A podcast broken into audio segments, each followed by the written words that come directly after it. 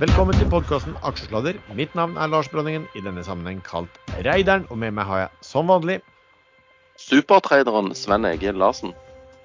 Og Fly Me to the Moon-traderen Erlend Henriksen. Og den sistnevnte kan vel komme med en liten disclaimer. Ja, ikke finn på å gjøre som dere tror vi gjør eller sier det, eller som dere misforstår det til. For vi er totalt uansvarlige. Ja.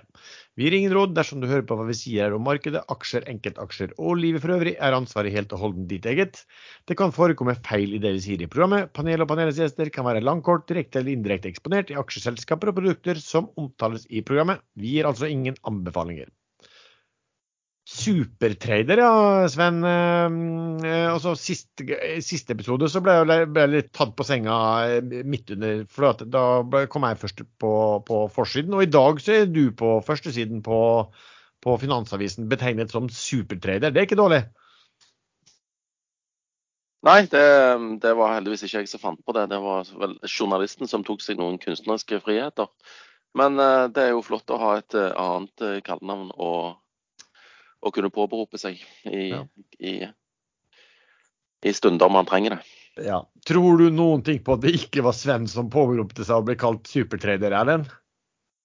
Uh, ja, nei. nei ja. Han sender jo, han har jo sånn kravliste hvis han skal intervjues hva han, han skal ha Cola Zero på bordet, og så skal han ha en flaske Bollinger champagne eh, tilsendt i posten.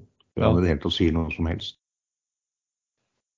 Men eh, altså, nå har jo du det, Nå har vi jo vært to av tre da, på førstesiden i avisen. Det, det, er jo Spørsmålet nå er hvor skal vi se etter eh, at Erlend kommer på førstesiden da, Sven? Hvor, Nei, han, han, var jo på førstesiden i Vi menn i, i, i, for en måned siden, var han ikke? Nei, var det ikke det I, i denne villmarksutgaven. Var det ikke det der Vi over 60, det bladet? Eller Vi over 100? Ja, Vi vil da, eller noe. Jeg vet da søren. Vi, vi vil? Nei, Vi vil da. Jeg har hatt en hel midtside Dagbladet, så ikke kom her. Nei, men eh, ja. Jeg, jeg, skulle gjerne bare tatt den telefonen i tilfelle det var noe viktig. Så jeg kommer øyeblikk, øyeblikk tilbake. Gjør det. da er det fritt fram for baksnakking igjen. Han, han ringer, tilbyr seg å uttale seg om saker han ikke egentlig har greie på. Men uh, og så, også, og så, har han også et kravspekk om bilder og betegnelse og benevnelse. Ja, det så man på det bildet i, i går. Eh, der så han jo rett og slett slank ut. altså, han så ikke slank ut, men han så ikke fullt så eh, forstoppet ut, skal vi si sånn. oh. Så kan man ikke si, si Lars. Hva da? Nei, jeg er forstoppet. Man skal, si, man, man skal, alltid si sannheten, men man skal ikke alltid si alt som er sant. Nei, det er sant, da. Eh, det, det fine er at, eh, at jeg har full kontroll over denne episoden når det gjelder å klippe. Det er det fine. Ulempen er at jeg tenderer til å ikke til, til å like den type kommentarer, Så de blir gjerne stående i episoden. Så det blir spennende å se. Så du mener jeg skal klippe bort forstoppet, altså? Nei, nei, nei, jeg må ikke finne på det. Nei. Det ville ikke Sven gjort, for å si det sånn. Nei, det, det er helt riktig. Dessuten er jeg nok ganske fornøyd med at du syns han så veldig slank ut. Ja, men det var jo photoshoppet, da. Alle så jo det.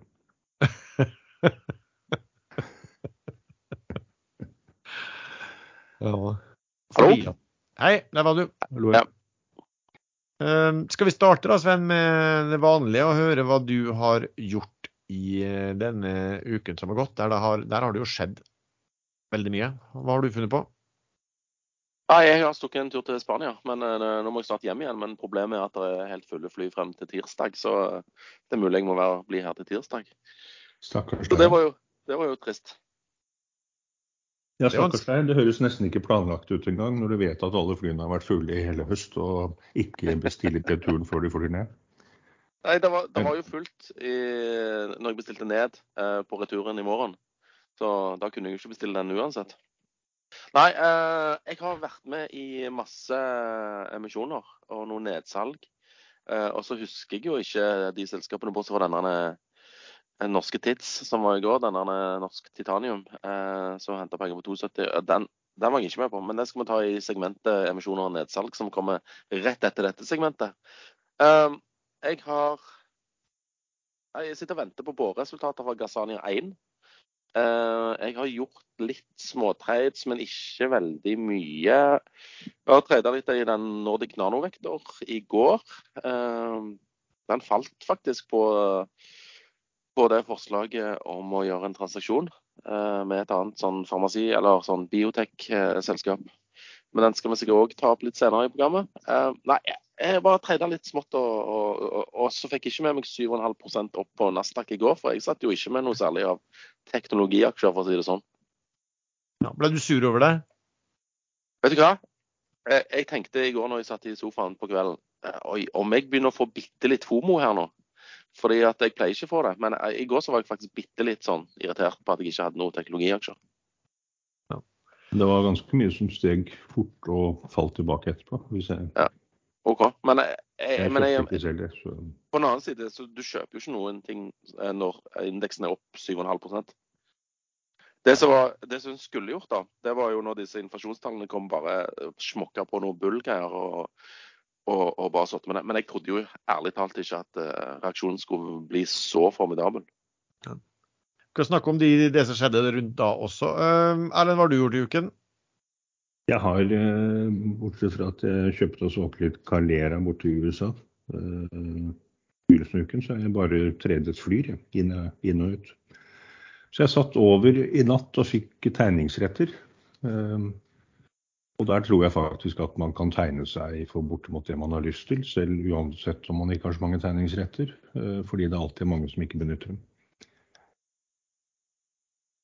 Så eh, var garantert 16 tegningsretter per aksje man hadde over natten. Eh, Og jeg tror man får mange flere. Eller man får ikke flere tegningsretter, men man får eh, ubegrenset overtegning, kanskje. Men den åpnet faktisk høyere i dag enn den eh, sluttet i går. Så da solgte jeg. Og så har jeg kjøpt tilbake nå nettopp. Og jeg tror, tror den stiger igjen. Det er, det er begrenset hvor mange som kommer til å selge en sånn aksje. Det er mye rar psykologi ute og går. Nå ligger den da 8,12-8,19 ganger høyere enn emisjonskursen. Aksjene kommer neste torsdag. Så da er det et lite lønnlig håp om en vakuum, vakuumregnelig framtid. Som selvfølgelig er high risk, og som selvfølgelig ikke har noe rot i virkeligheten, men det funker veldig ofte. Ok, eh, For min del, ja, også litt sånn irritert over i går, for når det går så mye og, og du på en måte ikke har vært med på den uh, oppturen. Men sånn er det jo. Nå har det vært mye i energi som har gått bra, og så, så, og så snur man plutselig litt sånn opp ned på segmentet, og at, eh, at man vil gå inn Altså pengene, da, oppgangen kom i andre mm, sektorer, og sånn er det bare. Um, jeg har kjøpt noe i uken. Jeg har kjøpt, uh, ja, kjøpt litt Telenor. Kjøpt litt Orkla, ser jeg. Hvorfor det, egentlig? Eh, og så har jeg solgt, jeg hadde jo solgt i forrige episode så har jeg solgt to tredjedeler av den nanovektor i forrige mm, episode. Og så har, solgte jeg min ene tredel den dagen før de skulle levere eh, tall. Um, sånn sett, For jeg tenkte at OK, det, det, kanskje ikke det kommer noen good news da. og ja, Better safe than sorry. Jeg har også solgt meg ut, hadde noen PCIB som også uh, solgte meg ut uken. Um, og da ennå redusert den porteføljen med to, to aksjer, så det begynner å bli rimelig konsentrert. Um, og så har jeg kjøpt litt grann, uh, av en vi skal snakke om snart, som heter Standard uh, Supply. Uh, og den jeg ikke kjøpte, som er litt irriterende, var at sist uke så snakka jeg at kanskje Meta Platforms kunne være noe, og satt og telte sterkt på fingrene om å kjøpe en hel del. Det var jo veldig dumt, for den har gått 20% siden den gang. Så ergo litt sånn eh, Ergo litt sånn små, små surmulende i dag. Um, sant at jeg var drita dårlig å spille padel i går, så det hjelper jo ikke på. OK. Um, Ah, nå, nå ringte det en fra TV 2 her. Hva faen vil han? han vil sikkert spørre deg om, om du, er det du som er den slemme karen i, som har uttalt det så slemt om Flyr, tenker jeg. Jeg har ikke uttalt meg slemt om Flyr. du, Jeg- nei da. Jeg har bare sagt at jeg deltar og, og redder Altså, jeg er jo med i redningsaksjonen av et flyselskap. Ja. Forstår ikke hva, hva som er slemt med det. Nei, det, det er jo ikke det. Fikk du for mye ja, vi kan ta det. Skal vi starte på den og kaste, kaste oss over med en gang og begynne å snakke om eh, emisjoner denne uken? Og nedsalg og debutanter og hva det måtte være? Ja, men vi tar den som kom forrige fredag eh, ettermiddag. Når eh, folk liksom hadde tatt elg. Da finner de denne Standard Supply ut at nei, nå må vi hente penger eh, på fredagskvelden. Og så, så gjorde de det. Jeg ble med i den, tror jeg. Var ikke jeg med i den? Jo. Jeg husker ikke hva kursene ble gjort på. Var det 4,70. men lå på 4 4,70? Ja. Ja, jeg, jeg solgte de på 4,75, husker jeg, på mandagen. Ja. Han gikk ikke så veldig mye opp. Jeg gikk 10 øre, og så fant han litt tilbake. Ja, og den er jo under nå. Ja, der ser du. Da var det bra jeg solgte med litt gevinst, da. Ja. Istedenfor tap. Nei, og så på mandagen da kom det vel ingen emisjoner. Og uh, på tirsdagen så tror jeg det kom et eller annet. Men jeg har glemt ut. Heldigvis har du skrevet ned dette her. Ikke hvilke dager det var, men eh, vi har en viss kontroll på det. Ja. Eh, de som kom samme dag, var jo Gram Car Carriers og denne mm, Ensurge. Ja. eh, jeg var med på eh, Gram Gram Gram Car Carriers. For å si det på norsk, det høres jo helt forferdelig ut. Men uh, det var et nedsalg fra en aksjonær, uh, så ikke en emisjon, da. Uh, den ble gjort på 162, og der fikk jeg uh, tildeling på hele 600 aksjer. Dvs. Si rundt 10 eh, tildeling, ble det ikke det? Jo, jeg tror det. Jeg syns jeg husker det. Eh, jeg fikk de ut på 173,18. Den kursen husker jeg spesifikt, for den var litt rar. Så den ble jo veldig hyggelig. Altså det ble jo uh, ja, 6000. Ikke mye penger, men eh, med en investering på 100 000, så er jo det 6-7 rett i fòret. Så takker for den. Jeg var ikke med på N-Surge, sikkert fordi han ene megleren ikke gadd å ringe meg engang. Så den tenkte jeg, da blir sikkert den veldig bra, men den ble jo ikke veldig bra den heller. Du, kunne komme deg ut i pluss. Ja, to man og også nå flere ganger også i dag kjøpt under emisjonskursen på to. Ja. Så emisjonsmarkedet i Norge har vært litt sånn svakt. Jeg deltok på, på en som heter OX2 i Sverige, som jeg ikke visste hva var. Men der var det en megler med god selvtillit som tok telefonen og ringte meg og sa at denne bør du kanskje være med på.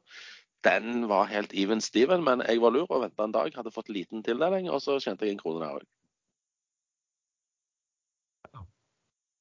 Og så var det flere. Eh, Det var den derre Heter det norsk, norsk titanium? Eh, Den Ja. vi kalte for en NTI, eller TITS kalte vi den forrige gang en gang også. Litt populært kalt. Norske tits. Eh, Det høres ut som norske hits, men eh, samme det. Eh, Jeg ble ikke med på den. Det var Ja, alle fikk det de ville der. For dette var en emisjon mellom 6 og 10 millioner dollar. De henta vel inn 7,4 eh, millioner dollar. Dvs. Si 74 millioner kroner.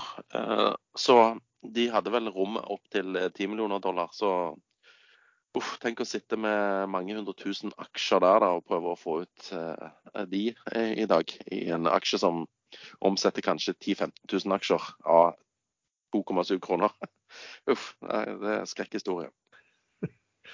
Men, men, de, men de som har vært bra altså eh, Den eh, Standard Supply var jo en, eh, ganske sånn imponerende ut ifra at de satt den på en fredagsettermiddag fredags ettermiddag eh, og med 2% rabatt. Men da, da, der hadde de jo åpenbart lina opp fulltegning før de gjorde det.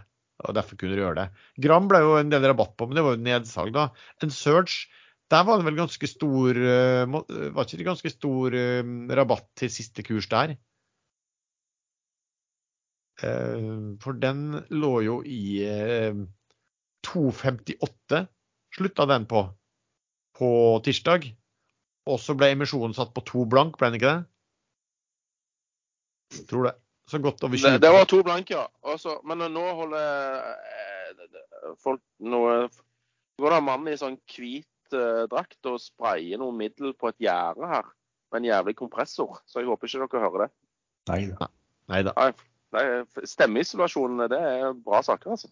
Men du vet, menn i hvite drakter som later som at de driver med hagearbeid, de er eh, ofte sånne som kommer for å hente vanskelige pasienter. Ja, men dette er på naboeiendommen nå. Jo jo, men uh...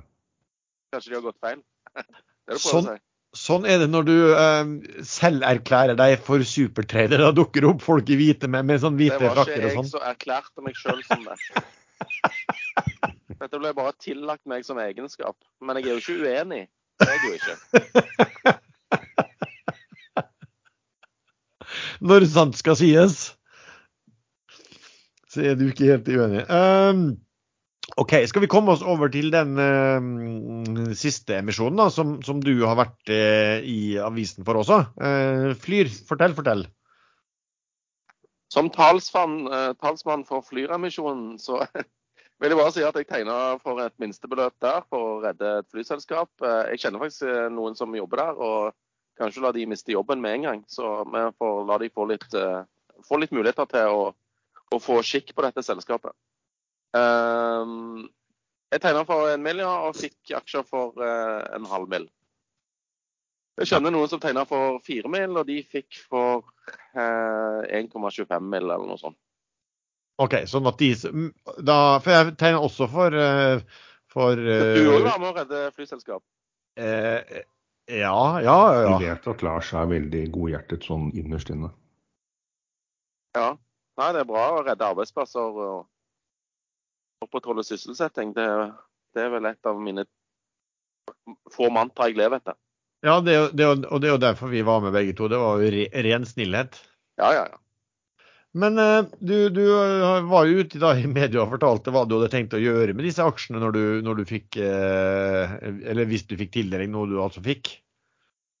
Ja, nei. Um, som supertrader så lever vi av uh, å kjøpe billigere enn vi selger. Så min tanke her var å selge de dyrere enn jeg kjøpte de. Og jeg syns ikke jeg skal være flau over, over, den strategien der. Det har funka ganske bra tidligere. Nei. Og, du, og, din tidshorisont på der er hvor lenge? Nei, Førstemann ut døra er min tidshorisont der. Så du... Ikke slukk lyset etter det, for jeg har masse tegningsretter som jeg kan, kan benytte en eller annen gang ute i Ja, men det, jeg òg har tegningsretter, så er vi i samme båt der. Kanskje du vil kjøpe de av meg for eh, 0,1 øre? Jeg var, jeg var, faktisk og spurte inne på chatten i dag om det var noen som jeg hadde mye Flyr fra før, og som hadde lyst til å låne meg 50 millioner Flyr-aksjer på en hyggelig, hyggelig rente. Men uh, no cigar, gitt. Nei. Det er umulig å oppdrive shorts, da. Ja, ikke sant? Så det er det som gjør at det kan plutselig komme et vakuumrønn i den aksjen der. Det er ingen som kan shorte, og nå begynner jo snart i aller siste med et snev av intelligens og solgte ut. Altså... Jeg, føler, jeg, føler, egentlig at Erlend er den som er slem her. Han skal bare tjene penger på eh, at amatører kjører opp en verdiløs aksje i forkant av tildelingen. Han er jo ikke med å redde arbeidsplasser Nettopp. på samme måte som vi gjør. Vi tar våre surt ervervede penger og sender det til de ansatte, så ja. de kan få lønn. Det redder jo min egen arbeidsplass. Til, i hvert fall. Ja. Det er sant. Uh, men også er det ikke litt spesielt i dag. Da. Den, den flyrkursen er bare ned 5, uh, 5 i dag. På, den ligger ca. på 8 øre. Altså, Det hørtes jo ekstremt lite ut, fordi at folk må jo være totalt bevisstløse. Hvis det er riktig at den aksjen da har gått X retter i dag. Stemmer det? Ja, ja. Det gikk det. Så du kan kjøpe altså I går så kunne du da kjøpe uh, aksjen på, på ja, 9 øre eller et eller annet sånt. da. Også, og det innebærer, tror jeg, at du får uh, rett å, at du får rett til å kjøpe 16 aksjer til ett øre, er det ikke noe sånt? Ja, men det, det blir korrigert uh, uansett oppover for de som deltok i emisjonen. I den rettede, de får ikke lov å delta i denne tegningsrettemisjonen. Så det blir litt flere retter. Det er nok en to-tre av de store på aksjonærlisten som Vi vet jo at han uh, Bråten selv, som ligger bak Ojada, uh, ikke da kan tegne seg. Nei. Så det blir litt mer. Det blir uh, rundt 18, tenker jeg, kanskje. Sånn minimum. Så har det mulighet for overtegning. Men, det, men det, hele poenget var bare at det sier jo bare hvor fullstendig hjerneløse de er, de som kjøper i dag når det har gått X. For at, da har man jo mista altså Mye av verdien på å kjøpe for de som ville kjøpe i går, eh, var jo nettopp å få de rettene. Jeg tror at jeg regna på at du ville ha Hvis du gjorde dette her, eh, så ville du På den kursen, da var den litt høyere i går, da, men da ville du være på med den retten nå, og så får du i tillegg nye retter også, så kunne du komme ned i en kurs da ved å kjøpe i går på 1,25 øre eller et eller annet. Og hvis, hvis, og hvis de får litt flere, da kanskje 1,2 øre. Mens du var på 1,4. Altså det, det, er liksom helt, helt, vilt å kjøpe i dag, i hvert fall etter at man har gitt Etter at den, den går X, den, den som, det som skal være eh, Jo, men verdien, eh, er det så vilt å utnytte psykologien i aksjemarkedet når man ser gang på gang at det er sånn det funker? Eh, ja, men, ja, ja, vi har vært inne på det gang på gang. Ja, altså det er vilt hvis man skal altså, eh, Fordi at du, du, du, er, du, er, et garantert tap hvis du sitter. Det, det, det er min definisjon av vilt. da. Så kan man jo selvfølgelig spekulere i at du finner noen som er dummere. Men vilt at den ikke falt mer, det syns jeg var helt ekstremt vilt. Sven, har, men har du noe spesielt tro i det hele tatt på fremtiden til selskapet? Um, vet du hva, jeg, jeg, tenkte først nei, det er ikke noe fremtid for dette selskapet. Men når jeg jeg, jeg satt og googla fly, flypriser i går, altså billettpriser. Hvis de tar og legger om og er litt lure og kjører Sør-Europa-Norge og driter i innenlandstrafikken sin, så tror jeg de kan tjene masse penger. For det er så høye priser ned til Sør-Europa nå, og, nå er det vinter, egentlig. Så hvis de er lure, så gjør de det. Men øh, også gjerne lease ut et fly eller to til. Jeg vet ikke hvor mange de har. Jeg tror de har så, uh, over ti nå, i hvert fall. Ja, der sa du. Så de kan, hvis de bare gjør noe drastisk, så tror jeg de kan få snudd om på dette. Men jeg, jeg tror ikke de uh, 250 mill. de henter, eller 350 mill. Det holder jo eh, noen måneder, og så er vi inne i en lavsesong. Men fortsatt høye priser. Så ja, Det er avhengig av at de som tegner seg nå, benytter seg av opsjonene sine i januar. Ja, men da har de jo nok penger. Da får de jo inn 700 mill. 700 milliarder, men det er heller ikke nok til å betale CO2-avgifter som kommer i ja, De er vel bare på 130 eller noe sånt, er det ikke det? Jeg er ikke sikker. Men det jeg så, var at både Arctic og Sparebank1 de, eh, de skrev at Flyr kommer til å redusere kostnadene med 50 gjennom vintersesongen. Ja. Så det er alltid håp for eh, jeg ser nå at jeg i DN òg at uh, traderne fikk mye mindre enn de ba om i Flyrs kapitalinnhentning. Sissener fikk full pott. Det er urettferdig. Nei da. Så lenge han uh, Han som lager altså, Sissener sier vi fikk 100% vi, og vi er fornøyd med det. Jeg tror det var riktig også, i og med at det var vi som konstruerte dealen, sier Sissener. Ikke sant. Du, Sven, for å, for å, være helt ærlig, så er du glad jo flere som har fått aksjer, og som sitter lenge. Jeg er sjeleglad for at jeg ikke fikk full tildeling. Jeg fikk ja. halvparten, sier Larsen til DN. Med, altså sur, sur munn.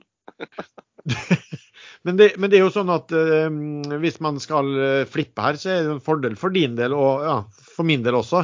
Så at, at uh, jo, jo, jo, flere som har fått tildeling her, og som er hva skulle du si, mer langsiktige enn en for øyeblikket. Jeg, jeg, håper og tror at Fredelig Hospitalen ikke var med på dette. her. Men det ser vi jo sikkert ikke før vi har solgt, før vi har solgt uansett. Når, når, er første, altså når, når, får vi aksjene, og når kan de handles første dag? Har, har, du sett på det? Altså, Generalforsamlingen er den 16. skal banke dette gjennom. Eh, aksjene eh, blir tildelt den 17. og kan tredjes etter melding om eh, registrert aksjekapital i Brønnøysund. Så den 17. Er, er, er dagen. Det er om eh, seks dager. Ja, da ligger da det over. Men jeg, jeg, jeg syns veldig mange gamliser som har vært med på dette, så de er treige, vet du. Uh, så vi er jo unge og, og, raske. I hvert fall noen av oss. Men er du, er du, helt sikker på at det vil være lønnsomt, og når du ser liksom hva kursen er nå, at, er du helt sikker på at det vil være lønnsomt å pælme ut? Nei, det er jeg ikke sikker på i det hele tatt. Det spørs hvor mange sånne sleipe jævler som deg har blitt med. Nå, nå følte jeg meg dårlig behandlet. Det var jo et kompliment til deg. Ja, ja det var det. Oppgradering. Nei, det, det, kan jo plutselig være at eh, det er skikkelig dumt å selge på, på åpning. Ja. Men det har jo helt med liksom, hvor er kursen. Altså Er den på 1,5 eh, øre, så er det 50 eh, fortjeneste. Ja. Er den på 2 øre, så er det 100 Er den på 0,90 altså 0,9 øre, så taper du 10% Så det, det er store prosenter på, på hvert tikk her. Ja. Og så får du warrants, da. i tillegg. Ja, det er jo gratis opsjon. Ja, ja. Det har jo Eh. faktisk en ganske stor verdi, som folk ikke tenker på. Det er en potensiell verdi. Ja, ja, ja men opsjon, opsjoner har jo per definisjon en verdi, da. eh, Ja, opsjoner har det tidselementet som, du, eh, som, du, som er egentlig verdien. Så nei, det, det blir spennende. Det, det er jo et slags forsøk, dette. Og så får vi se hvordan det går. Ja, det Det har i hvert fall blitt veldig mye publisitet rundt det. Det har det. For min del har det også vært sånn ja, høyt, høyt eh, spekulativt, det også. Så var jo den, den eh, strukturen her var jo mer interessant da med warrants eh, enn den forrige, for du har et eh, opsjonselementet. Og så liksom, Folk husker kanskje at jeg snakket litt om den i forrige episode, for jeg hadde sett på balansen og, og, og så at, liksom, at selv om man hentet de pengene her, så hadde selskapet underbalanse. Og det er jo fortsatt en bekymring. da. Nå har de jo vært ute og fortalt litt om, som du nevnte, Sven, at de, de mener at de har en At de inngikk eh, leasingavtale på fly når markedet var krasj bom etter covid, og at betalingsvilligheten for den samme type nå er, er mye bedre. Altså at verdien på det da er, eh, er mye eh, Altså har, har mer verdi i balansen. Hvor mye det er, det eh, har de jo ikke spesifisert. da. Men eh, jeg har en liten bønn til Norwegian. For Norwegian er jo flyr et hår i suppa. Så det de kan gjøre, er jo nå å over børs kjøpe seg opp til et stort nok flertall til å stemme ned hele den emisjonspakken som dere nå har deltatt i. Eh, Og så konke. Kanskje heller ikke å snakke med han sjefen i Ryanair eller Witzer. De kommer til å gjøre det. Og da kommer jo kursen Men det- til å gå kjempehøyt nå fram til eh, generalforsamlingen. Og da selger jo du din uh, kyniske jævel. Jeg er selvfølgelig. Men, tror, men, hadde de, men hadde sånn teoretisk de klart det uten å kommet i en tilbudsposisjon? Ja, og Jada eier eh, Hvor mange prosenter er det? Det er ikke mange. Nei, altså Tilbudsposisjonen er jo at da må du, må du jo eie over en tredjedel da, for å komme til en sånn i en sånn posisjon. Jeg, jeg Du må, du må eie flere aksjer på generalforsamlingen enn enn andre som møter opp og stemmer. Kynisk sett så er det selvfølgelig, kan jo, kunne jo sikkert det vært en sånn søt tanke, men jeg vet ikke om eh, befolkningen som du skal mm, selge flybilletter til, hadde vært sånn kjempefornøyd med deg hvis du på den måten torpederte et selskap og, og, fordi at du ville ha, ta ut høyere priser i markedet. Nei, jeg ser den. Så det kan jo være Tenk så bra vi hadde sett ut da i etterkant. Altså vi som prøver å redde driten. Og så kommer de der slemme flyfolkene og skal torpedere. Dere ville aldri sagt noe dritt om meg på aksjesladder etter det, hvis det hadde skjedd, faktisk. nå. 8,5 eier Ojada. Ja. Så er det Statssalg, det er vel han i Bodø, 5,69. Og så er det Nodibi Dugnad, som også hører vel til pakka, på 3,54. Det er eh, Kulta Invest kjenner jeg ikke til, men da er vi oppe i 3, 6, eh, 12 Ca. 20% er det som er av de større aksjonærene. Morsomt blir det i hvert fall interessant å se på. Da får vi først se på hva som skjer på generalforsamlingen, og så kan det bli en eh, ellevill dag eh, når, eh, når alle de aksjene der kommer til salgs om da, hva vi sa, en knapp ukes tid. Eh, og, da, og, da, og da er det ikke så morsomt for de som har kjøpt eh, flyr på disse nivåene, i hvert fall ved, i dag. Men, eh, eh, sånn, hvis eh, hvis du regner på det, Lars. De som kjøpte på ni øre og ikke bryr seg om å selge, eh, og får tegningsretter, korrigert for eh, verdien av tegningsrettene, så er ikke kursen de har kjøpt mer enn rundt 1,15. Ja, Det er ikke sånn kjemperisiko i forhold til å heller tegne seg emisjonen og måtte vente og få aksjene samme. Nei, jeg tror jeg sa 1,2 tror jeg regna på i går, men da var vel kursen eh, høyere. Den falt vel litt utover dagen også, så det, det kan fort være riktig. 15 høyere, da. 0,85 eller noe sånt i går. Ja, 15% høyere. Så det er ikke så det, det er ikke så når, Fred, når, eh, når Trygve Hegnar kalte det fullstendig hjernedødt å kjøpe på 8-9 øre eh, når emisjonen settes på 1 øre, så er, så er det ikke så hjernedødt som man skal ha til. For da De som tegner seg emisjonen, de har jo låst pengene sine. Og hvis kursen åpner på Men- men- 0,005, så har de tapt 50 Ja, men eh, eh, å kjøpe nå, et eller annet godt X Nå er det ren eh, spekulasjon i, i The Even Bigger Fool. Det er helt korrekt.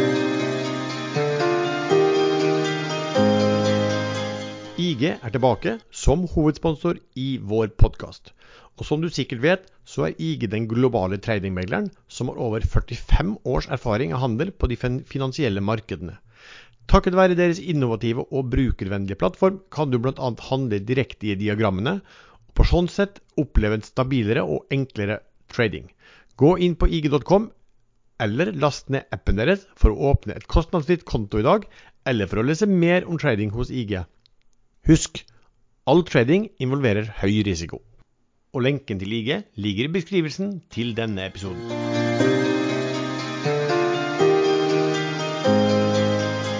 Først var det jo et valg i eh, USA denne uken her som eh, Hva tenker du om resultatet av det? Hvordan ser det ut, rett og slett? Eh, resultatet som ikke helt avklart ennå, Erlend?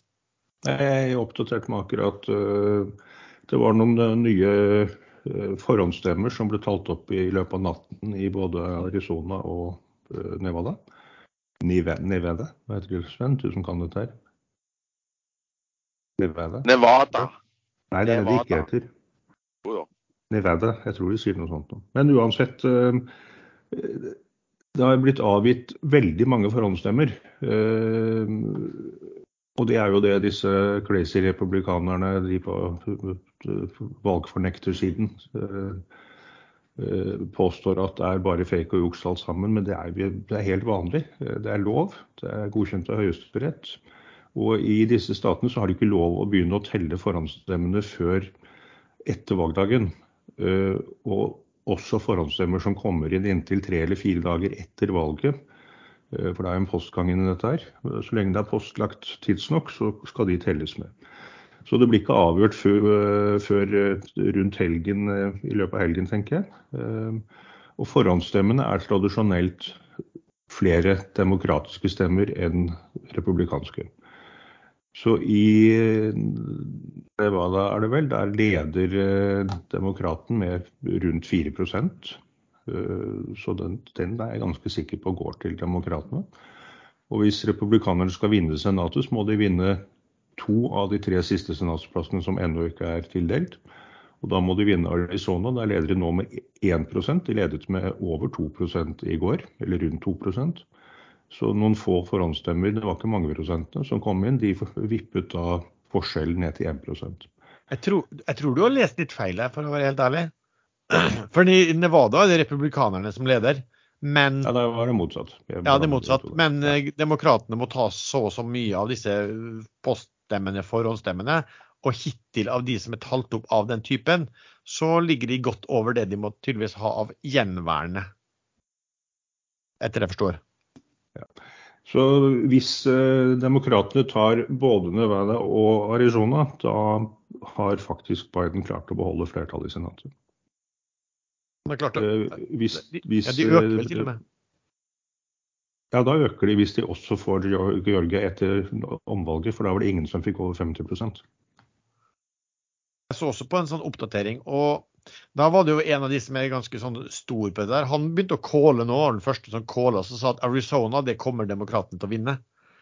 Eh, og så trodde han at det var en god sjanse for at de demokratene vant i Nevada. Eh, og hvis de vinner Arizona eh, og ikke Nevada, så blir det det siste, eh, denne i Georgia, som avgjør. Og der er det bestemt at det blir omvalg.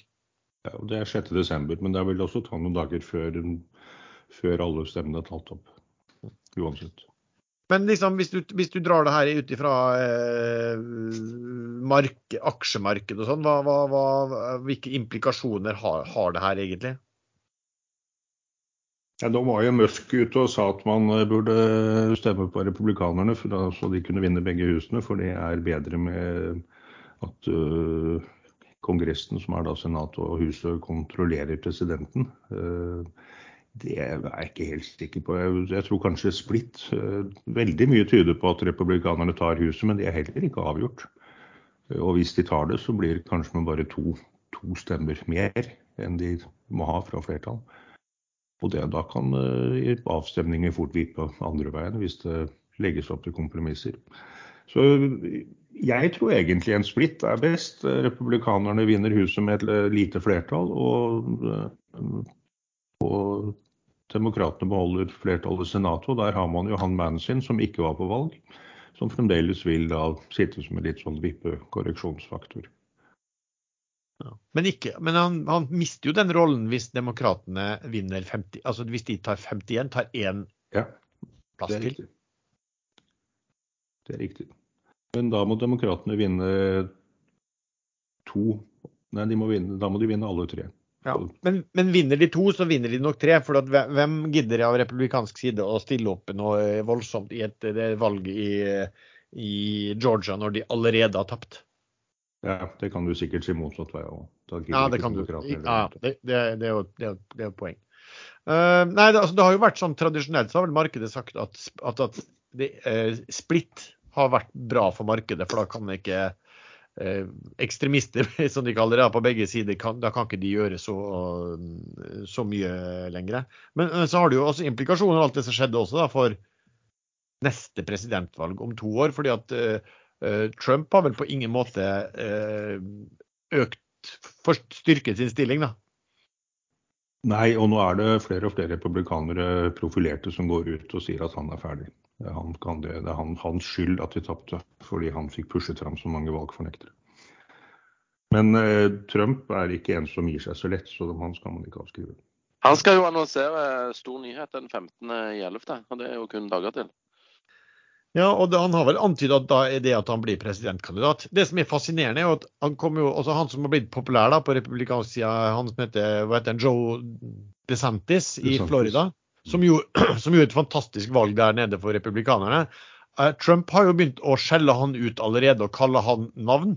Uh, og det gjorde han til og med før valget. og til og med, altså det, det sier jo litt om mafiaen og hva skal vi si, ja, kriminelle, kriminelle sinnelag, etter mitt syn. da, da han sier at han vet mer om han enn noen annen. Kanskje med unntak av kona, liksom. Så det er jo, sånn, det er jo, det er jo en trussel her, da. På at still opp, og jeg kommer til å si sånn og sånn. Og Trump er jo desperat. Han, han vil, nok, vil, nok, stille opp fordi at han nå uh, Han er vel redd for å bli tiltalt for det ene og det andre. Uh, og tenker at kanskje det kan, det kan redde han. Så problemet her er jo at hvis han ikke blir valgt, så sier han vel egentlig at han kommer til å sabotere alt han kan for republikanerne, som den narsissisten han er.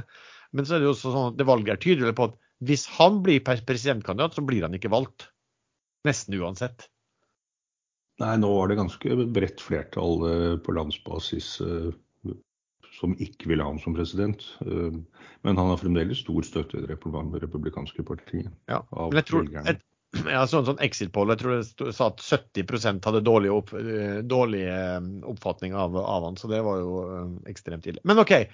Vi er jo ikke noe politisk podkast akkurat. La oss la dra det videre i USA. da, for I går Sven, så had, fikk vi et ellevilt rally på amerikanske børsene. Hva, hva, hva var det nå som skjedde?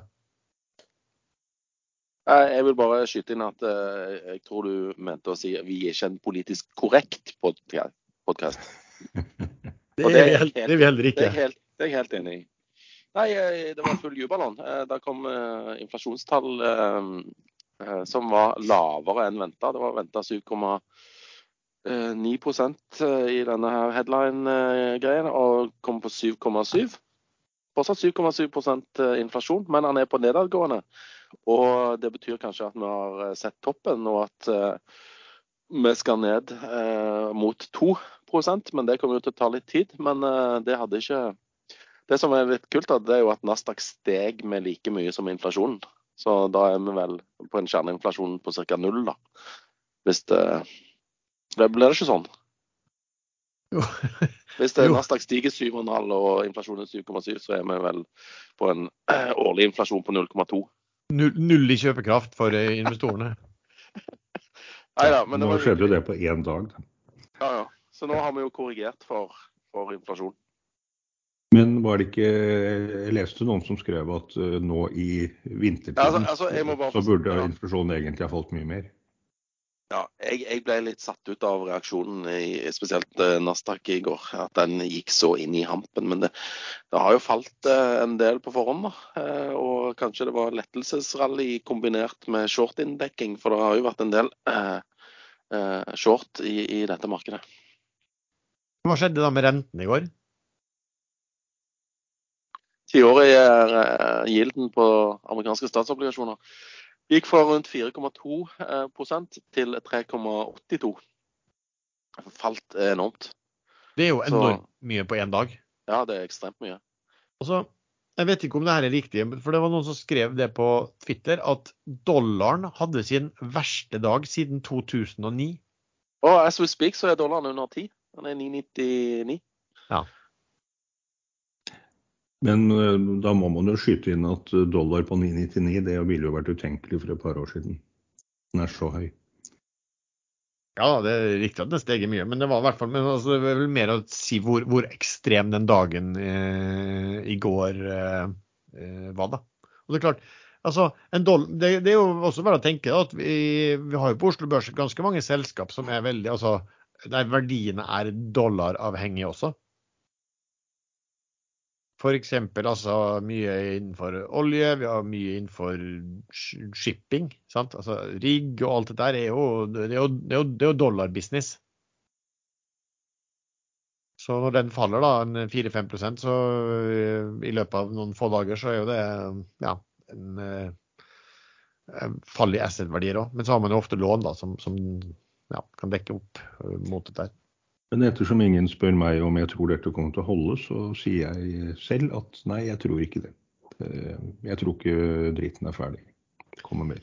Det er bra, det, for det var faktisk et spørsmål også om er det her som jeg, skulle, jeg hadde skrevet her også, for det hadde vi fått inn også. Er dette vi så et bear market rally, eller er det en eh, starten på en skikkelig turnaround? Og du tror det er bear market rally, Erlend? Ja, jeg tror det. Eh, er, jeg ser ikke hva som underliggende har endret seg stort. Eh, fall i inflasjonen, eh, hvis det, er, hvis det, har snudd, hvis det gjentar seg to-tre måneder til, så, så, kanskje. Men det tviler jeg på. Jeg skjønner ikke hvorfor inflasjonskostnadene snur nå. Tror du da, Sven? Nei, Jeg tror egentlig at inflasjonen har toppa, men at det vil ta veldig lang tid å få den ned til der du vil ha den. Uh, men ja, det som er litt alarmerende, er jo at i Norge så hadde han jo tydeligvis ikke toppa. Der ligger vi jo på 7,5 nå. Eh, milevis over det Norges Bank eh, spådde. Så nei, det er to ulike verdener. Jeg tror amerikansk inflasjon har toppa. Fordi ja, Norges Bank, Det er jo ikke mange ukene siden de hadde et estimat på hvordan inflasjonen ville bli i oktober, og der bomma de jo uh, ganske voldsomt også. Så, så, det kan jo da tyde på at hvis det her fortsetter, så må de jo begynne å ja, øke i raskere takt enn hva de eh, hadde forutsatt eh, sist gang. Men du Grunnen til at jeg ikke tror det har eh, toppa, det er fordi vi har ennå ikke sett resultatene av tørke og flom og disruptions i produksjonskjedene av metaller og mineraler og alt sånn, og i videreforedlingen. Eh, kornmarkedet. Eh, selv om Ukraina har til dels fått i gang korneksporten igjen, så er det lagrene på verdensbasis begynner å tømmes. De faller i hvert fall kraftig. Og hvis de skulle falle under null, eh, så klarer de ikke å fylle opp fort nok. Og korn, det trenger man i ganske mye forskjellige produkter, det er ikke bare brød. Så, så, da vil prisene stige kraftig. Og Kina har sikret seg det er vel over 50% av alle kornlagre i hele verden. Og de kommer ikke til å sende ut et eneste gram korn til andre land enn sin egen befolkning. Og det, det er ikke bare korn det gjelder. Det er liksom olivenolje og mais og you name it. Name it. Er, alt har blitt produsert for lite pga. følgeskader av tørke og transportproblemer og produksjonsproblemer. Men altså, en ting, når jeg ser at inflasjonen faller, så er det jo noen annen ting. Altså, jeg ser jo det er jubel på alle mulige måter. men det minner meg litt, altså, hvis, eh, det er litt sånn, hvis du har hatt et eh, Eller hvis folk har hatt, noen hatt et høyt blodtrykk i lang tid, og så plutselig faller blodtrykket ganske brått, eh, så er jo det gjerne ikke noe veldig god egentlig indikasjon. For det tyder jo på at pumpekraften din begynner å bli ganske svekket.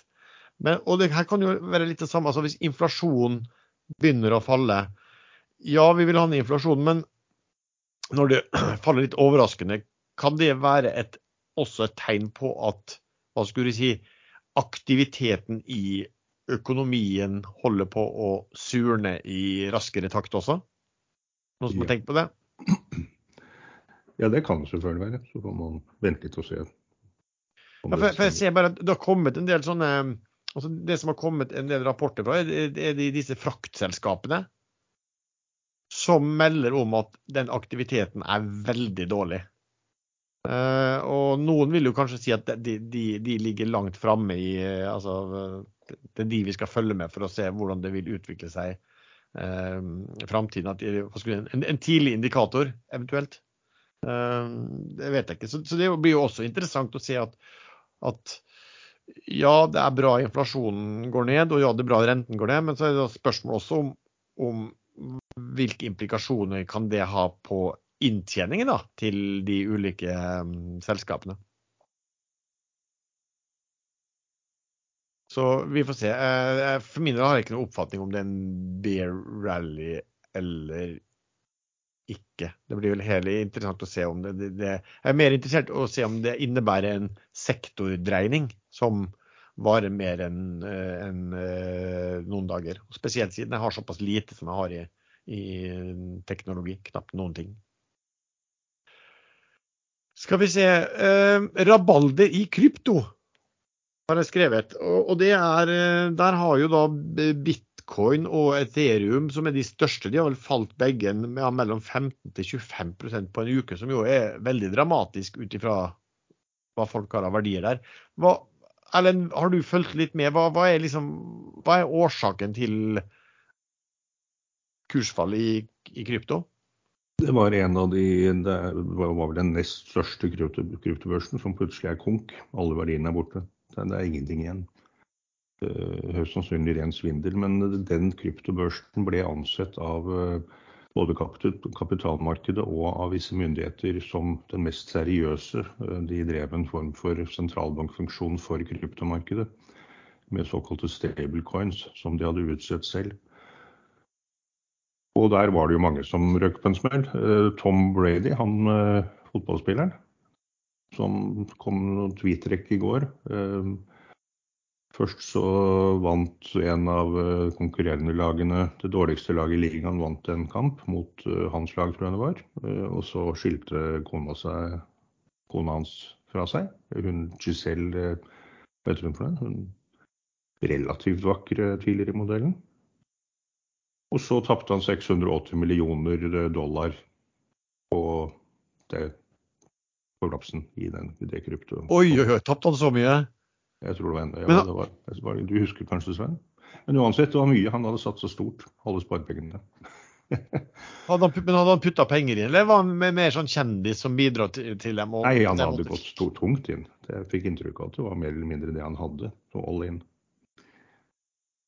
Ja. Men det er jo også store fond. Eh, Tiger Fonds, det er jo der han eh, Ole Andreas Halvorsen startet sin karriere før han begynte for seg selv. De hadde eh, relativt mye penger igjen der, og Softbank hadde mye penger der. Og de skulle egentlig hente penger nå, var det snakk om å hente penger nå til en verdi på 32 milliarder dollar på denne, på den kursen. Så det ser vel ut som disse her er, er kaputt. Og etter det som jeg har forstått, så, så, er det også litt fordi at de har hatt eh, Er det sånn at de har hatt et tradingselskap på siden om der de har skyssa kundemidler til? Er det noe sånt, Sven, som har skjedd, eller? Jeg har dessverre kun fått med meg headlines, men dette ftx.com eh, heter disse her. Eh, og han Brady var mer en slags talsperson og eh, var med i reklamer for dette her. Og jeg nekter å tro at han har så dårlig rådgiver at han har putta alle pengene sine inn der. Men eh, det, det fremsto vel kanskje som han kanskje hadde gjort det. Men jeg tror neppe han har gjort det. Uh, men uh, det var en bakmann her som heter Fried Bankman, eller uh, Bankman Fried. og han er jo da bokstavelig talt toast. Eh, nå. Eh, han var, for, eh, for et kvarter siden så hadde han gasillioner av dollar, og nå var han plutselig konkurs. Så det er jo godt gjort, da. Men ja, de, de, hadde, de var ved Skira, denne her businessen. men så sier han at et datterselskap eller et samarbeidspartner sa at Alameda skylder disse her FTX 10 milliarder dollar. Men jeg, jeg, tviler på om de noen gang får sett noe til de pengene, om de faktisk i det hele tatt finnes. Det tviler jeg sterkt på. Nei, også, altså, det er jo sånn at Jeg forstår også at de har plassert penger i veldig sånne, mange av de mindre likvide kryptovalutaene også. Og de har jo falt liksom 50-60 en del av dem. Eh, sant? Det, det sier jo seg selv også når du har litt største. Så... Hva sa du? Over 90, nesten 100% mange av dem òg. Ja. Men eh, problemet er jo at alle disse kryptobørsene de, de har litt sånn deposits hos hverandre. Eh, for å backe opp tredene så ting skal gå fortere eller et eller annet. Coinbase de klarte et fantastisk kunststykke. De sendte ut en pressing hvor de skrev at det er 'no direct danger to, to Coinbase'. Det er eh, ganske heavy og idiotisk å skrive. Ingen direkte fare ennå, liksom. Ja. Jeg leser på Financial Times at det er noe som heter BlockFi, som er en sånn digital asset lending platform. Eh, de har også nå eh, pauset at klientene kan ta ut penger av plattformen eh, pga. tilknytningen til FTX og dette Alameda. Men han som da var, som da var sjefen i dette, og grunnleggeren av dette FTX, han heter da Han var vel, jeg tror han var, kanskje var rundt 30 år nå, var vel en av de verdens rikeste uh, som liksom self-made på den dagen, om han ikke var det. Uh, jeg tror han lurer på om han eide halvparten av selskapet. eller et eller annet, for Jeg tror det sto at det var, han gikk fra 16 milliarder dollar til null i løpet av uh, noen få, få timer. Han heter da det er en kar som rusler rundt i kortbukser og mm, sandaler på, for at de holder til i Bermuda. Og han heter altså Sam Bankman Fried, det han heter. hvorpå selvfølgelig han nå blir kalt for Sam Fried Bankman. Eller uh, som jeg tenkte på også, Sam Bankrupt Fraud. Uh, det er, uh, sånn går ikke fra en dag til en annen. Dette har skjedd over tid, og han har selvfølgelig visst uh, at her forsvinner det penger, og høyst sannsynlig sultet unna penger. Det er bortimot umulig at han ikke har deltatt i en bevisst scam her. Men blir du mer interessert i å trade og investere i kryptovaluta når du, når du ser hva som har skjedd der, Erlend? Nei, sånn kursmessig så er det jo øh, når blod flytter i gatene man skal kjøpe. Men jeg har ikke rørt krypto siden 2018 selv. Så ikke noe som frister veldig akkurat nå. Du og Sven, har du rørt krypto siden den gangen du mista koden din? Nei, det er ukjent farvann for meg nå. Og alle disse rare eh, alternative coinsene som finnes. Men det eneste jeg har fått med meg, er at NFT-er har gått rett i dass. Altså disse mm, digitale bildene av disse apekattene og de greiene der. Og det syns jeg faktisk var på tide, for det var jo bare tull og tøys. Altså, de, de er, hva heter de, de er apes? De heter Det er sånne NFT-er, sånne non-fungible tokens. Men jeg ja, ja. husker ikke men det var Bored Ape eller noe? Bored Apes, ja. De hadde noe sånt, ikke sant. Jeg, jeg, tror nok at det fort kan uh, bli stående som et sånt symbol på galskapen uh, i markedet etter år med Det har jo skjedd før. Det, for noen år siden så var det jo kryptokatter som var det store. Ja, ja. Noe alle måtte ta, men det forsvant jo helt, de også. Ja. Familien, Vi har jo en sånn familiekryptodyr. Eh, som legger egg eh, og formerer seg og blir til andre kryptodyr. Men det er noe som brukes i et spill. Eh, nå har ikke kursutviklingen der vært så veldig bra, men hvis det spillet skulle slå an, så, så er det, det en nøkkel til å bruke spillet. Til å komme videre. Og, så det kan, det kan funke. Men du har mast om dette her nå siden 2018, og hvis det ikke har slått an til nå, så tror ikke du skal satse så veldig mye mer på at det kom til Nei, det var ikke 2018, var en overdrivelse. ok, nå. Det var i fjor en gang. Ja, Du håper at du skulle selge eggene dine, altså? Dine digitale egg? Jo, men det, er, det ligger et bud inne nå på 100, 180 dollar eller noe sånt. Det er ikke helt dødt. Nei. Og hvor mye, hvor mye Jeg var redd du skulle spørre om det. Ja, det, i forhold til hva du betalte? Nei, det har vel bare falt 90% tror jeg. Men det er ikke mye penger vi putter inn der, da. Det var mer sånn morosak. Så det er jo litt av clouet. Det, rundt 20 000 kroner delt på fem i familien. Så det, det er ikke verre enn det. Men det virker som du har tatt litt økonomisk utdanning likevel, Erlend. fordi eh, På BI så lærte jeg at du ikke skulle legge alle eggene i samme kurv. Ja, men der er det forskjellige teorier ute og går. Buffett har jo sa tidlig i sin karriere at hvis man diversifiserer, så stoler man ikke på sin egen analyse. Ja, men jeg tror han tenkte sånn at du burde holde det til en ti stykker eller noe sånt, da. I begynnelsen tror jeg jeg er ikke sikker, jeg har ikke lest så mye om han. Men øh, hvis man er helt sikker, hvis man ser noe som øh, man har sett noe andre ikke ser, øh, ja. så kan man i hvert fall gå vesentlig høyere enn noen få prosent. Men, ja. ja. Jeg tror faktisk at Berkshire Hathaway har en veldig stor andel i Apple.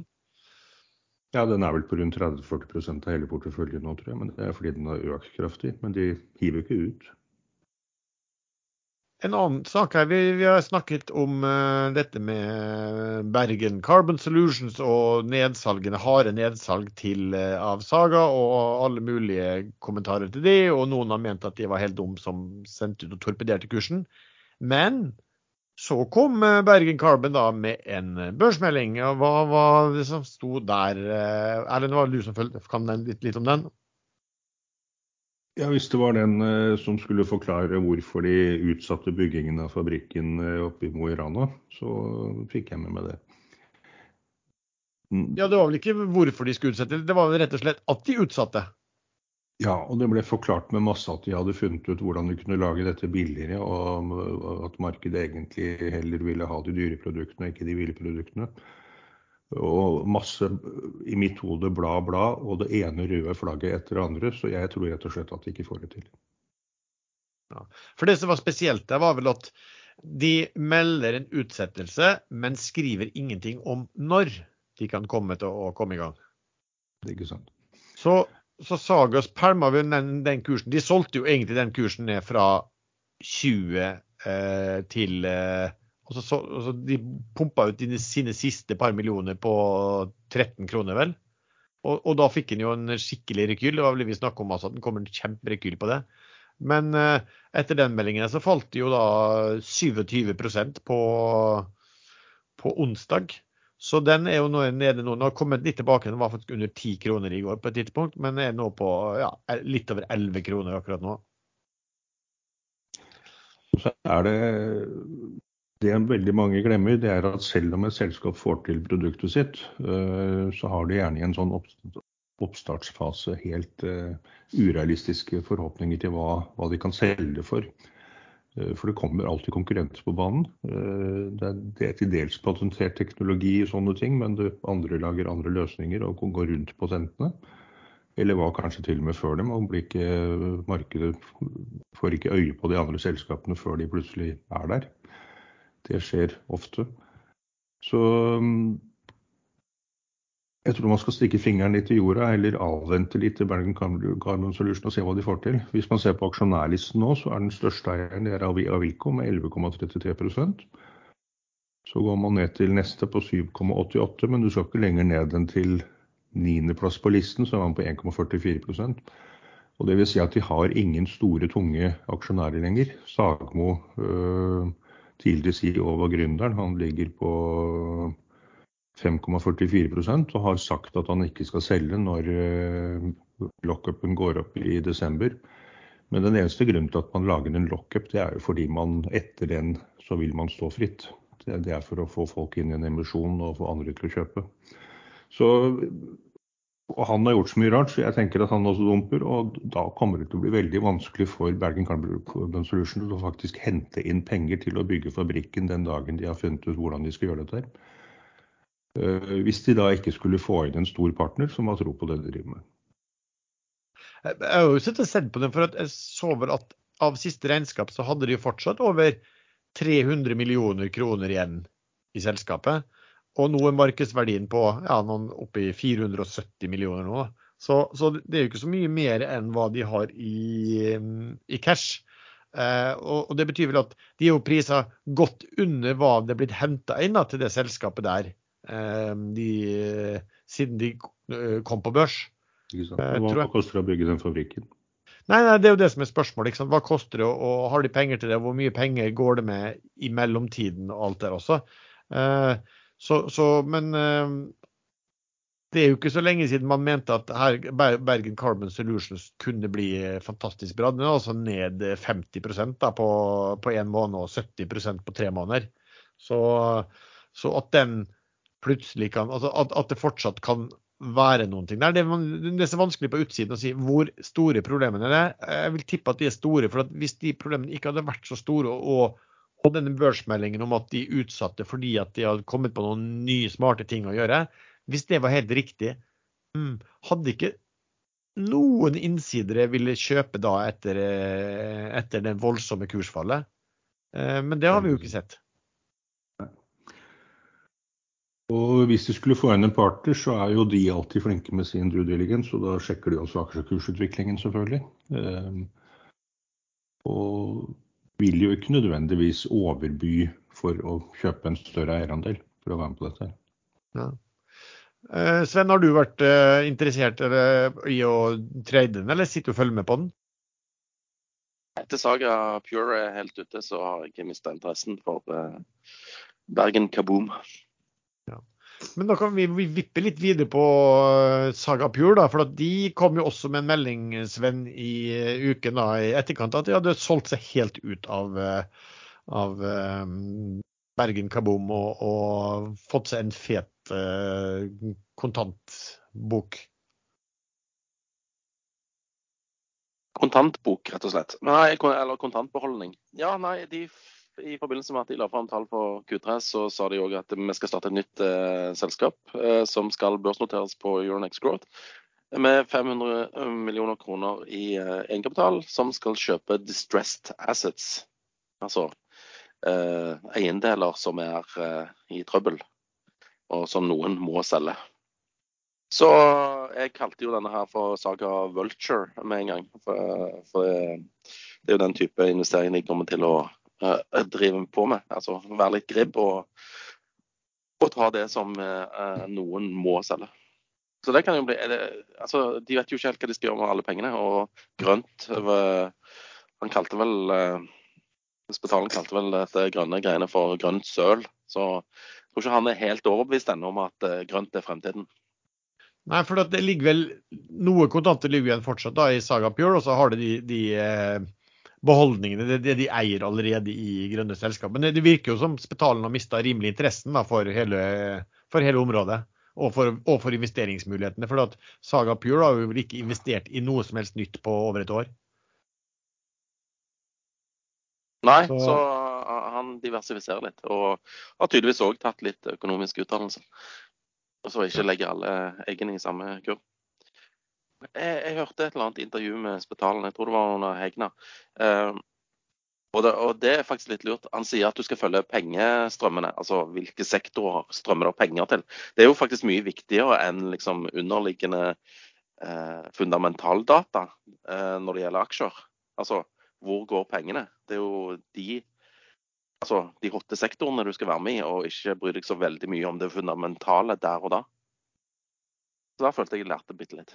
Erlend, har du litt interesse av? Jeg så bare at uh, Sagapur de fikk seg en oppgang i kursen da, på, på, den meldingen der.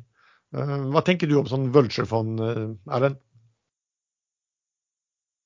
Sånn eh, kjapt inn i distressed selskap og flippe etter at de har ryddet opp og kommer seg ut, det har jo funket for veldig mange før det.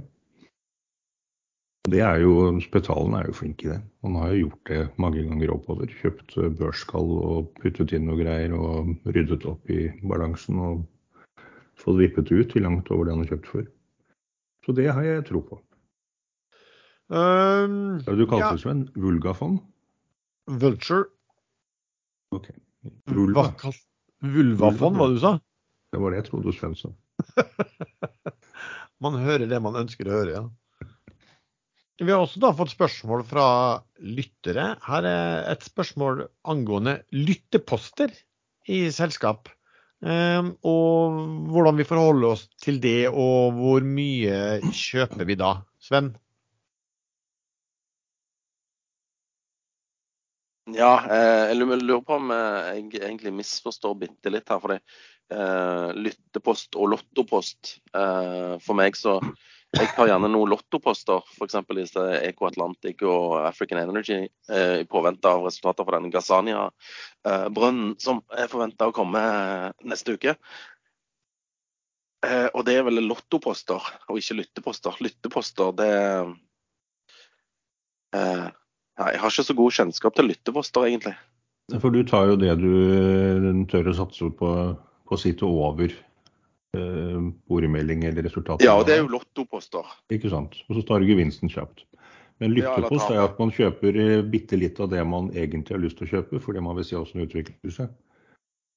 Ja. Det gjorde jeg i gamle Seaband Drilling for mange år siden. Da var kursen eh, slaktet ganske godt, så jeg tok en lyttepost på 25 000 kroner. Og så kom det børsmelding om et eller annet, og den var shortet kraftig. Og da det er en av de få gangene man har sett på Oslo Børs at det faktisk kom en short squeeze, og den kursen gikk 100% så raskt at jeg ikke klarte å kjøpe mer. Jeg kommer heller ikke ut på toppen. Eh, men der hadde jeg planlagt å ta for sekssifret beløp, og kanskje enda mer. Så eh, da blir jeg såpass irritert at etter det har jeg aldri tatt en lytterpost lenger. Nei, for min del altså, Det kan være at jeg vil kjøpe og gradvis eh, kjøpe meg opp, men, men, det er litt sånn at hvis du Altså, hvis du, hvis du ikke er overbevist nok om å kjøpe den, så hvorfor kjøpe den da, på en måte? Altså, men, men det, det, skjer jo av og til at man tar litt, og så kan man bli mer overbevist. Selvfølgelig, det gjør det. Men, men liksom, hvis jeg tenker på det som Jeg tror ikke jeg kjøper noe for, for, å tenke som om at, eh, at dette er bare en eh, lyttepost. Da kan man godt bare lytte fra utsiden. Ja, jeg har noen gang kjøpt en liten post i et selskap fordi at jeg skal eh, lese meg opp på den. Eh, sånn at jeg ikke glemmer ut at jeg skulle gjøre det. Ja, men det blir jo en lyttepost. Ja, men er, det er egentlig bare en påminnelsespost. Eh, sånn at jeg må skal researche dette litt mer.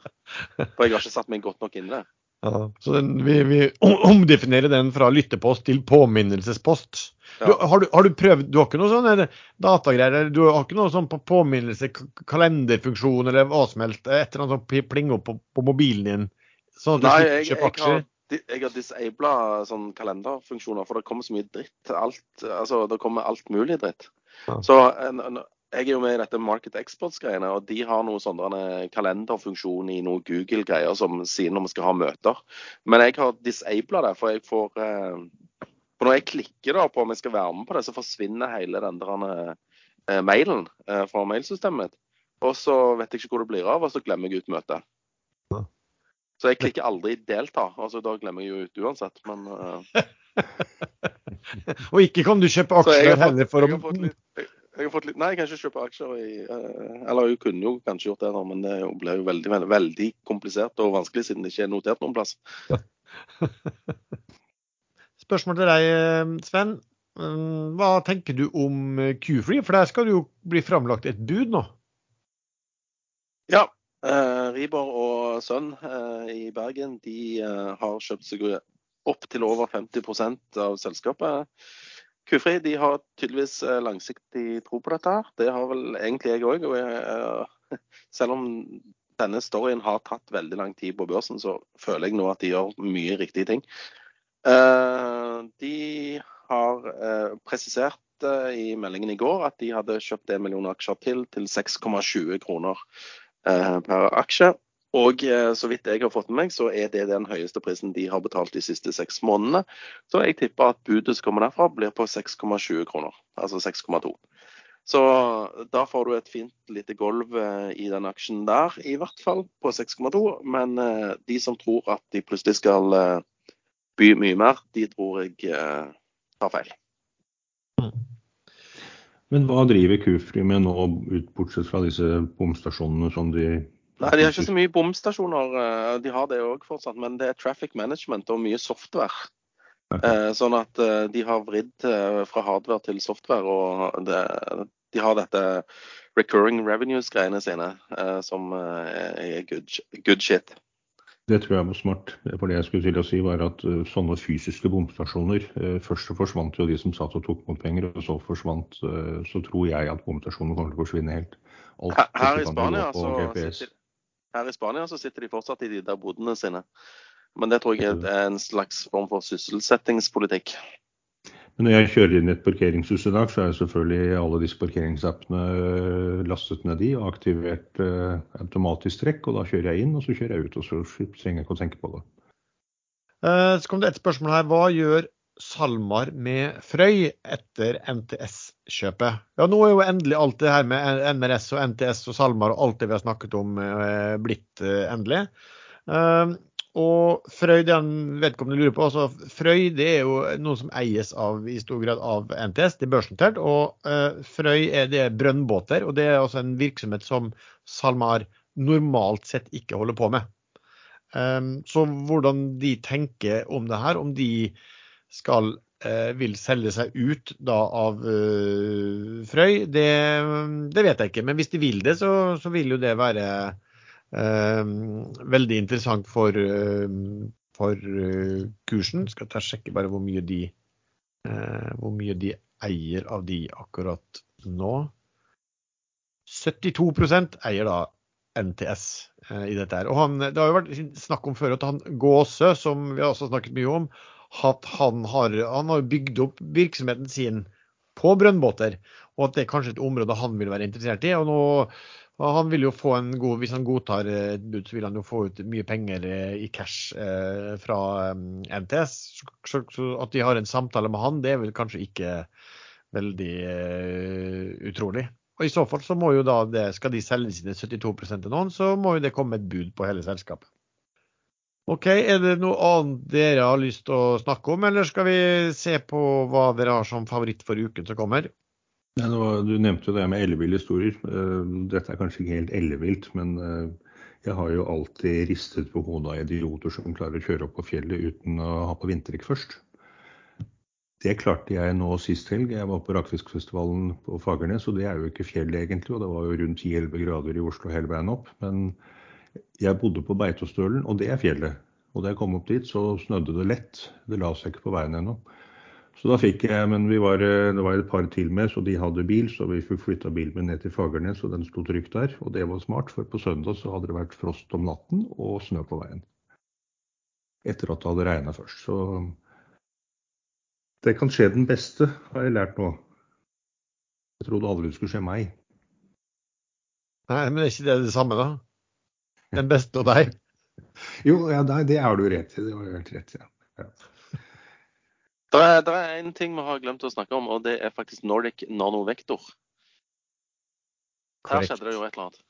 Ja, fortell Sven, hva er det som skjedde?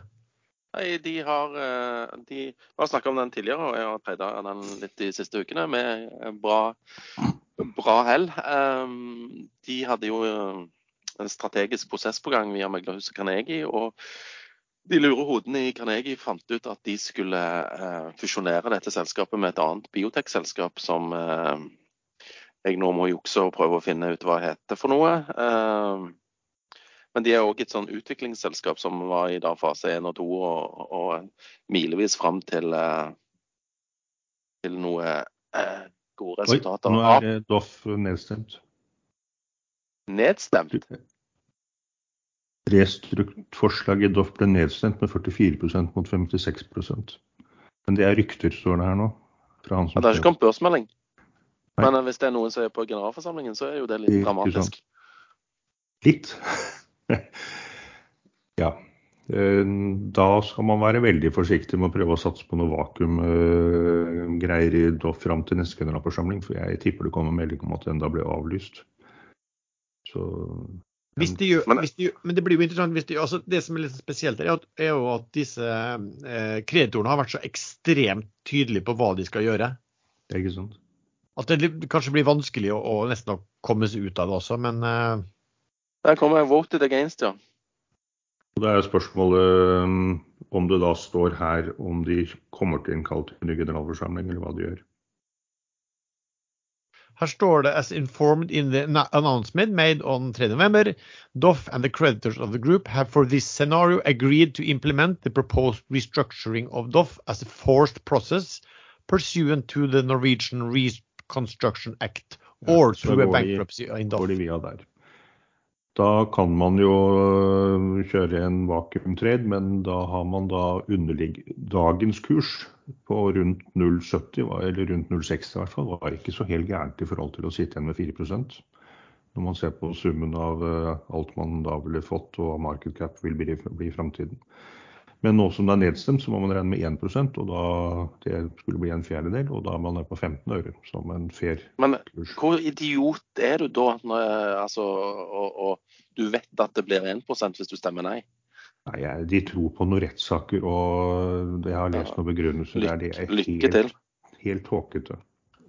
Ja, altså, never, De har vel brukt noen advokater kanskje på det også, så altså, never, never say never. altså, Men det virker i hvert fall ganske selvmorderisk. Det jeg syns er litt rart, i og for seg, det er at den, altså, resultatet av den ekstraordinære generalforsamlingen er så ekstremt viktig ikke sant, for kursen i det selskapet. Og jeg syns det er litt rart at, at den ikke blir børstoppet. For det er den vel ikke? Nei, Ikke noe stopp her, men eh, de har, vel, de har jo allerede gitt denne informasjonen om hva som kommer til å skje hvis ikke. Så Doff er vel av det oppfatning at uh, all informasjon er ute uansett. Ja, det var det, det, var det jeg leste i, i meldinga også, at det er det, de, det de skriver. da, så Da går det mot en eh, rekonstruksjon. Jeg vet ikke hvor, hvor, hvordan det fungerer. Må de da gå til retten raskest mulig, da? Eh, eh, nei, det er sånn, ja. Eh, Den der rekonstruksjonsforhandling, eh, det må vedtas på en ny ekstraordinær generalforsamling. Eh, der eh, de må ha 50 hvis jeg husker riktig. Eh, altså denne, den som var i dag, der måtte de ha To 60 tredjedeler. To tredjedeler, ja. Og, men den neste må de ha 50% på. Og, Ja, og da man har de jo flertall til det. Når de klarte flertall nå, så klarer du garantert det neste gang. Ja, for det var, det var 56% som hadde stemt for, og 44 mot, var det så? Ja, noe sånt. Men uansett, de klarte da veldig mye mer enn to tredjedels flertall, så da klarer de neste, og den har de allerede annonsert eh, i sine skriverier at de kommer til å stemme imot det nå. Nei, men, da vil de gå til nei, men hvis det var 56% for nå og 44 mot, så betyr jo det at de som måtte stemme for, burde ha to tredjedeler. Men nå er trenger de bare halvparten, så de har jo egentlig 56% allerede. Så den er jo don deal neste gang. Ja, ikke hvis det går den veien, ja. Ja, det, Det det, det, er den veien det går. Det er den veien det går med oss alle. Jeg trodde det var eh, opprørerne som hadde størst stemmeantall der, men du har ikke. Nei, de trengte bare å blokkere de, sånn at det ikke ble to tredeler. Så de kunne, Mhm. trengte bare 33 og en tredjedel. Men eh, tilbake igjen til Nanovektor, da, Sven. Hva, de, de de skal også fusjonere med foreslå, Foreslår å fusjonere med disse her, det heter Apim. Apim, ja. Og, og, og der er det jo veldig vanskelig å vite. altså er, hvordan er den innbyrdes verdien her? For dette Apim er jo ikke notert noe sted. Man har ikke noe, det er vanskelig å vite hva som er fair verdsettelse på noe sånt. Ja. Uh, men så har jo North Energy, som er nest største aksjonær, det er jo ikke mer enn 7 eller noe, men de er nest største. Eh, for her er det virkelig spredt eier sitt. Men de kom jo med melding om sitt syn på saken. Hva var de fortalte? ja, de var ikke fornøyd. De eh, mente at dette forslaget med å fusjonere med disse eh, med sånn farma, altså sånn biotekselskap eh, ikke var noe bra. Eh, Dette hadde jo historien vist i, i, i Nordic Nanovektor, at det var bare tull. Så de eh, ville egentlig gå for en annen løsning. Så, men de foreslo ikke, foreslo ikke noen annen eh, type løsning. Da. Men eh, jeg ser for meg at det kan bli litt bråk der. Ja, fordi at eh, når det er, nok, det er nok ganske mange finansielle. Nå var jo vi inne, men, ute, men det er sikkert mange finansielle. Og, og jeg så det var veldig sånn spredt eierskap. Og det virka ikke som det eierskapet er sånn veldig biotek-interessert. Så, og et sånt fusjon må jo selskapet ha to tredjedels flertall for. Spørsmålet om hva North Energy om de, om de har noe alternativ der. Men, men det jeg kan tenke meg, som, som man har tenkt her, er at vi var jo inne på at eh, Nordic Nanovekter de har et veldig stort framforbart underskudd, altså tidligere skattetap. Da. Så, så hvis man kan nyttiggjøre seg det, altså gå med overskudd i framtiden, så, så, så har det en stor verdi. Men det er klart hvis du begynner å fusjonere med noe unotert som er i tidlig fase fortsatt, så er det ingen aktør som umiddelbart går med overskudd som du kan nyttiggjøre deg den, biten med.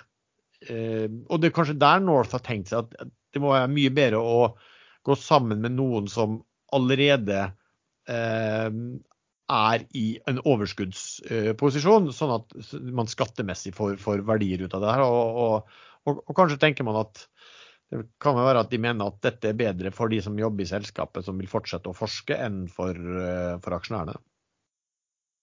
Men, eh, men, har du kjøpt noe i etterkant av eh, dette her, eller holder du utenfor fortsatt, Sven? Jeg, jeg driver og kjøper nå, jeg. Og jeg tenker at det blir litt bråk. Og så blir det kanskje litt sånn gang på greiene. Hvis de ikke nå bare gir opp, da. Da selger jeg òg.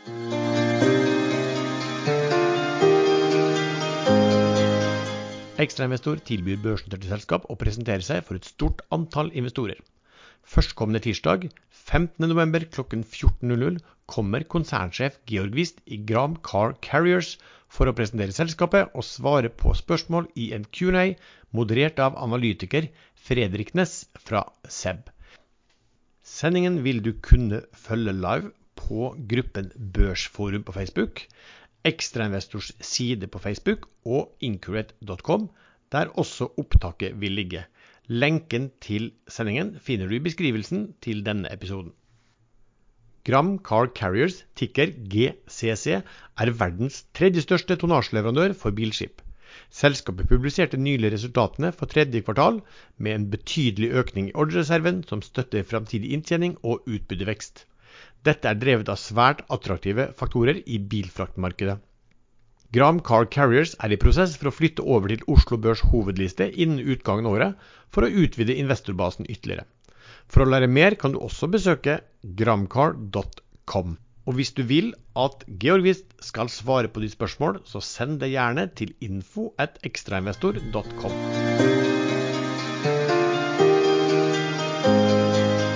Ok, Skal vi ta hva som er mm, favoritt for uken som kommer? da? Skal vi starte med deg som vanlig, Sven? Ja, eh, det blir lottoaksjene mine i eh, Africa Energy og eh, Eco Atlantic. Der venter vi på trekning i neste uke og håper det går veldig bra. Nei, det er Lotto, som jeg sa sist uke. Men ting har tatt litt lengre tid på denne her boring-greia enn, enn vi trodde.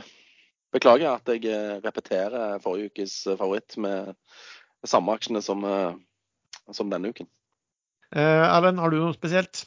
Ja, jeg måtte bare sitte og oppdatere litt her på chatten mens jeg skrev. Jeg skrev akkurat, Det var en som lurte på om vi kommenterer live i aksjestader, og det gjør vi jo. Den Doff-idiotien. Doff er faktisk eh, på et eller en eller annen kurs eh, også interessant som et vakuumcase etter denne meldingen her. Eh, nå skal det først innkalles til generalforsamling for å stemme gjennom eh, om de skal ta den chapter 11, og det må man regne med at blir nedstemt. Men hvis kursen faller til rundt 0,15, eh, så forsvarer det en kurs hvis det ikke skulle bli nedstemt. Og da vil jeg tro det kommer en liten rekyll, kanskje, fra et eller annet sted. Men den er livsfarlig. Så jeg har holdt meg unna den i flere måneder nå, fordi denne aksjonærgruppen har eh, lagt opp til et løp som medfører totalt tap. Ehm, flyr eh, tredje akkurat nå. Eh, har den nå, men det kan være at jeg har solgt før jeg er ferdig med å spille inn sendingen, eller ettersendingen, eller mandag morgen. Det er ingen eh, Den er også Den ligger åtte ganger det kursen skal være. Men aksjene, de nye aksjene kommer tidligst neste torsdag. Og da ser man ofte mye galskap i de dagene. Eh, og så følger jeg med på den Calera borte i USA. Den har jeg ikke akkurat nå, men det er litt irriterende. Fordi den har eh, i pre-markedet i dag så har den gått veldig bra. Eh, sluttet vel på litt over 0,08 dollar i går. Og nå ligger den på 0,945 i premarkedet. Og på relativt høyt volum visstnok, så det kan være at den drar oppover. Og der er det jo det er den som de satte en emisjon på 0,13. Men det er såpass mye rundt den emisjonen og hvordan formuleringen er, at jeg mistenker at det er formulert på en sånn måte at ingen skal skjønne at de egentlig får aksjene billigere enn 0,13. Men jeg er ikke sikker. Men uansett, eh, det har gått ganske store volumer, og da vil jeg tro at mye av de eventuelle billige eller gratisaksjene, hvis det var noen, eh, allerede er ute. Og da kan den kursen plutselig stikke litt oppover. Men den stopper nok, bråstopper nok på 0,13 dollar hvis noen følger med, for der vet man at uh, vårrensene kan løses inn med, og selges med fortjeneste over 0,13. Uh, Nano den syns jeg er for tidlig nå uh, å rote med. For der blir det en sånn kamp framover. Men det er jo ofte i de aksjene hvor kursen plutselig kan gå helt spinnvilt, uh, avhengig av hva folk tror, eller hva noen å spekulere i. For min del neste uke så det blir litt å tenke litt om hva om det her betyr at markedet nå kommer til å vri seg fra eh, litt eh, på sektor også, siden jeg sitter ganske mye i, eh, i energi. Det har jo ikke gått sånn som Valari, som har vært kjempebra, har jo ikke vært noe bra den eh, siste uken. Litt pga. dollar og, og, og, en del pga. kurs. Eh, jeg syns jo også denne eh, emisjonen i Standard Supply var veldig imponerende. Og de, de tallene, når jeg hørte på callen i forhold til det, så var det veldig framoverlent. Eh, jeg hører jo også at det, er fullt fyr i det PSV-markedet, altså sånn som de tror fra på, på, på vinteren og, og fram mot sommeren, hvor man begynner å, å, få avtaler opp på det på veldig gode, eh, på veldig gode eh, rater også. Og de har jo henta inn penger, så, kanskje de også gjør noe kjøp. Spørs om det er noen billige båter å få, ta, å få tatt igjen. Jeg kan nevne SD standard, som det heter. Jeg bruker å si SD-SD, men det heter SD standard. Ikke, og ikke standard drilling lenger. De kommer med tall i dag. Og det som viste, Han har jo en del på, prøvd å regne en del på Nav på den, og den ble en del feil. Fordi at uh, de har jo eid i langere tid eid aksjer i Weatherford og i Golar LNG. Men det viste at de hadde solgt det under kvartalsperioden og ikke fått de, opp, fått med seg den oppgangen der som man regna inn, inn, på det. Så jeg tror nå regna på det i dag ut ifra de tallene der, så burde vel være da en eh, Nav Net Asset Value på den være på sånn ca. 2 kroner og 80 øre eh, per aksje. Og den har falt eh, litt tilbake, men ellers hadde det en ganske pen utvikling i en, i en periode nå. Ellers så nevnte så på det jeg kjøpte, så var det faktisk en aksje jeg kjøpte i dag på unotert-listen, og det var Petrolia Noco. Um, på 1,50. Og det var, var bare fordi det lå plutselig aksjer der til salgs på eh, 1,50, men de hadde jo unektelig meldte jo unektelig at de hadde gjort en private placement på eh, to kroner. Um, du, du, da, du, fikk 35 000 av mine aksjer, Lars. Var, var, det, du, var det du som lå så? Nei, jeg, jeg, solgte bare halvparten. Eh, for det lå en teit kjøper på 1,50 der. Tenkte jeg ja, han kan få aksjer, han. Ja, jeg, jeg, jeg, skal, du ha, skal, du ha, litt mer? Ja, bare kom med det, du, så kan det være det. Nei, for jeg hadde litt mye i den. Uh, eneste grunn. Jeg syns det var veldig bra at de gjorde en emisjon på to. Ja, det er jo kjempe. Uh, ja. Så, det var ikke sånn det var bare har... kun likviditetsjustering fra min side. Ja, jeg tror ikke jeg gidder å kjøpe det. Det her var det mer sånn Kanskje noen hiver seg inn og vil også ha på to kroner nå. og da, Hvis jeg da kjøper 35 000 og får en 50-øring på, på ikke så mange minuttene, så får vi se hvordan det vil eh, Men det, var, det var to ganger 35 000 som gikk? Jeg så det, og min gikk vel eh, tidlig, tror jeg. Så okay. ja, da var det ikke mine aksjer? Okay. Da var det noen andre sine. Nei, Jeg husker ikke når den ble meldt. Ble den meldt Det ble gjort en 9.23, og så ble det gjort en sånn ja. i 11-tiden. Ja, og 9.23 var min, for jeg, jeg, så det kom opp plingende opp at de hadde gjort det. Ja, Da, da kjøpte du ikke mine aksjer. Det er jo litt Det er like så greit, sikkert. For de, de, skrev vel også at uh, de hadde gjort en prior placement, men den ene aktøren kunne være villig, da, til, til, siden det ikke uh, aksjonærene fikk lov til å bli med så kunne ja. en av aktørene være villig til å selge noe av, av sine aksjer på to kroner. Uh, og da tenkte jeg at jeg kjøper Han er jo dritbillig på 1,50 til 2 der, hvis du regner dette her uh, dugongfunnet. Men det tar jo tid da, før de får ut noen verdier der, tror jeg. Ja, og jeg tenkte at hvis, de, hvis det er noen der som uh, skal selge, kan tilby seg å selge aksjonærene, til aksjonærene på to kroner, så tenkte jeg at ja, men da kan de få kjøpe meg litt på 1,99. ja, ikke sant. Slå av litt. Du er så snill. Ja, det er litt sånn som deg i Flyr, tenker jeg. Ja. Og deg. Sånn. Da takker jeg så mye til deg som har lyttet på denne episoden. Du treffer stadig oss tre chattene inne på Ekstrainvestor. Vi har også en, en, gruppe på Facebook som heter podkasten Aksjesladder. Musikken er som vanlig laget av sjazz.com, og vi høres.